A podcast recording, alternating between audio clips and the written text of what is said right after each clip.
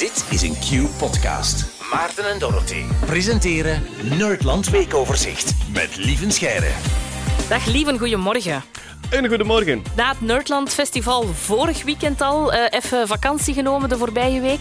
Uh, ja, toch wel uh, drie dagen horizontaal doorgebracht. Nee, dat is niet waar. Ik heb ook rondgelopen. Maar echt uh, drie dagen goed uitgeblazen. Maar daarna weer gaan optreden. Hè. Ik ben in Nederland gaan spelen. En nu ga ik mijn laatste week tournee in en dan is het zomervakantie. Oh my. Heerlijk. De, de, de laatste loodjes dus een beetje. Ja, inderdaad. Uh, nog, uh, nog drie keer in Nederland en dan helemaal op het einde van juni nog één keer in Brugge. Dat was een, een corona-uitgestelde... Uh, ah. Oh, ja, oh my. Voilà. dat we er nog altijd aan het inhalen zijn, die dingen van corona. Zot eigenlijk. Ja, maar ik had corona. Het was, uh, het was, ah. van, uh, van, ja, het was van dit voorjaar. Oh, juist. Oh, ja. Juist, ja. juist, juist. Ik weet het terug. Ja. Morgen bij ons, yes. uh, elke beller wint een zwembad. Hoe zou jij ons callcenter proberen te overtuigen om doorverbonden te worden naar ons, naar de radiostudio van Q-Music? Goh, ik denk heel vriendelijk zijn. En misschien zou ik ze beloven dat ze zelf mogen komen zwemmen af en toe. Dat vind ik wel een omkoperij dus eigenlijk. Absoluut. Ja, ja, ja, absoluut. Schaamteloze ja. omkoperij. Vind ik een goede tip uh, voor iedereen die morgen gaat proberen bellen. Uh, waar gaan we het vandaag over hebben, lieven? Uh, vandaag hebben we het over het prachtige nieuws dat China een gat in de aarde wil boren van 10 kilometer diep. Oeh. Ja, en daar zijn ze vorige week mee begonnen. Vorige week dinsdag zijn ze begonnen. Uh, dat kan jaren duren. Um, en het heeft twee redenen. Het wordt vooral voorgesteld als een wetenschappelijk project, hè, om echt de aardlagen te gaan bestuderen. Maar iedereen vermoedt wel dat er ook een beetje economische kant aan zit. Dat ze uh, willen kijken of daar misschien nog ergens olie of gas te vinden is op grote diepte. Maar ook dat ze willen kijken naar mineralen die daar misschien te vinden zijn. Hè. De grondstoffen voor groene energie bijvoorbeeld, voor batterijen, voor zonnepanelen, maar ook voor onze telefoons. Worden steeds schaarser en dus op allerlei plekken moet er gezocht worden. Maar het zou toch voornamelijk wetenschappelijk zijn, want die aardkorst, ja, daar weten we niet zo heel veel over onze aardkorst die drijft op de mantel. Hè. Dus de mantel is een beetje het vloeibare stuk en de aardkorst is dan het harde stuk.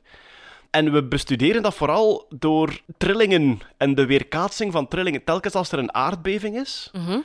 Dan wordt er in een heel groot stuk rond die aardbeving gekeken hoe zijn die trillingen tot hier geraakt.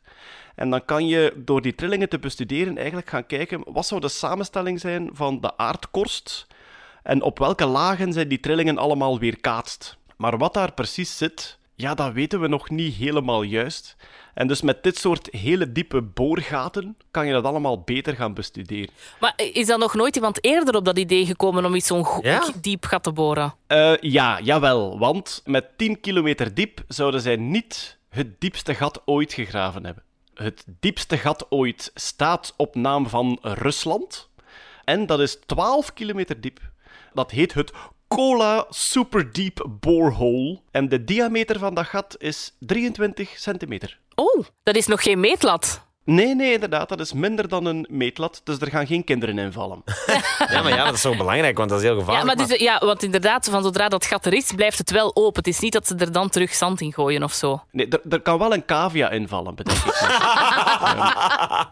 zeg maar, ja? lieve, hoe kan dat eigenlijk? Want allee, we kunnen zo naar de maan en we kunnen veel verder. We dromen van ja, te gaan wonen op Mars.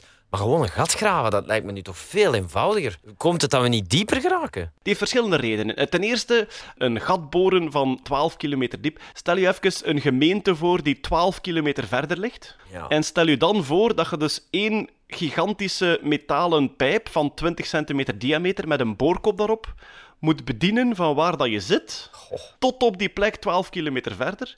Meer zelfs, die 12 kilometer lang ben je omringd door rots elk brokstuk dat daar afvalt, dat in die boorkop valt, kan het kapot maken. De meeste van die boorexperimenten die stoppen omdat er een stuk boor afbreekt en omdat ze dat onmogelijk hersteld krijgen, zoveel kilometer onder de grond.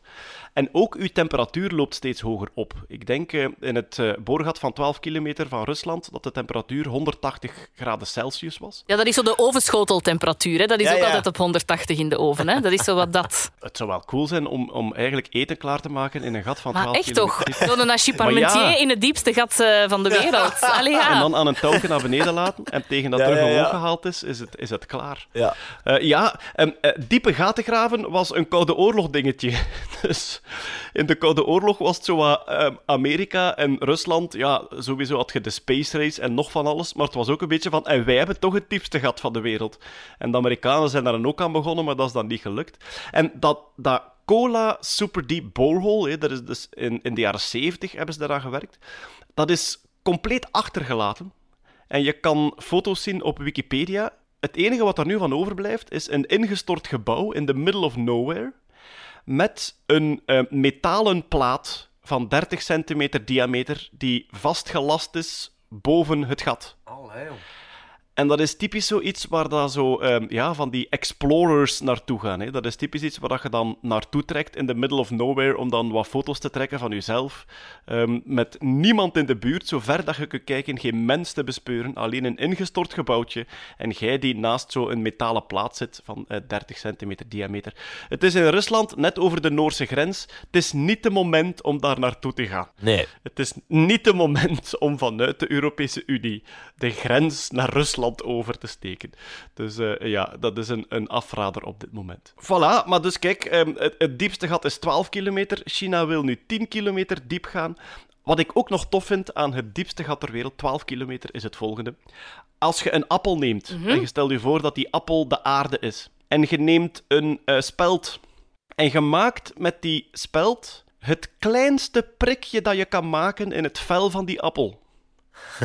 Dat prikje is relatief ten opzichte van die appel dieper dan het diepste gat dat wij ooit gegraven hebben van 12 kilometer. Oh my. Wauw, dus- Zoveel onontgonnen gebied eigenlijk. Hè. Waanzin. Ja, dat is waar, maar heel, heel moeilijk om, eh, om dieper te geraken. Fascinerend. Lieve Scheire, heel veel dank. Van ons naar jou. Fijne ochtend nog. Met veel plezier. Tot volgende week. Yo. Yo. Dit was een podcast van Q-Music. Wil je meer? Wil je meer? Kijk op qmusic.be.